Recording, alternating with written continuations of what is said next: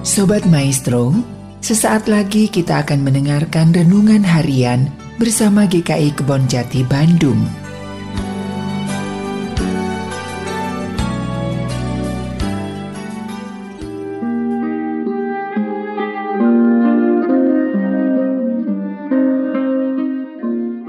Shalom jemaat yang terkasih, kembali lagi di Renungan Harian GKI Kebon Jati bersama saya Marviani. Tema renungan hari ini adalah pemenang dalam Tuhan. Diambil dari 1 Korintus 15 ayat 58. Karena itu saudara-saudaraku yang kekasih, berdirilah teguh, jangan goyah, dan giatlah selalu dalam pekerjaan Tuhan. Sebab kamu tahu bahwa dalam persekutuan dengan Tuhan, jeripayahmu tidak sia-sia.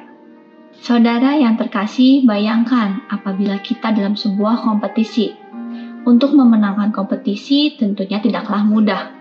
Ada proses yang perlu dilewati untuk menjadi seorang pemenang. Ada tantangan dan rintangan yang harus dihadapi oleh kita dengan tekad yang kuat. Giat berlatih pun menjadi kunci utama untuk meraih sebuah kemenangan. Sama halnya dengan kehidupan kekristenan kita. Kita di dunia ini sedang menjalani kompetisi. Untuk menjadi pemenang di hadapan Tuhan tidaklah mudah. Kita tidak bisa mengharapkan kehidupan yang dijalani selalu lancar sesuai harapan kita. Ada kalanya kita merasa kecewa, merasa tidak dihargai, merasa usaha, tenaga, dan waktu yang kita berikan seolah berujung sia-sia. Itu wajar, dan itulah warna-warni kehidupan. Namun, yang penting bagi kita untuk menjadi pemenang adalah giat melakukan pekerjaan Tuhan. Jangan sampai kita goyah, patah semangat, dan menyerah karena kekecewaan itu. Karena kita harus ingat bahwa di hadapan Tuhan, jeripayah yang kita lakukan dengan tulus dalam nama Tuhan tidak akan pernah sia-sia.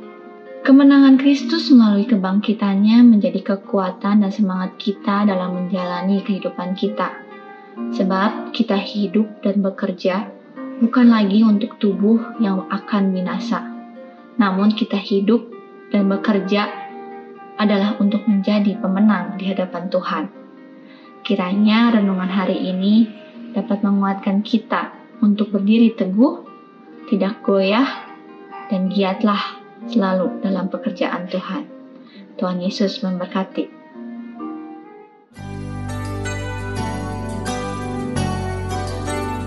Sobat Maestro, baru saja Anda mendengarkan renungan harian bersama GKI Kebon Jati Bandung. Tuhan Yesus memberkati.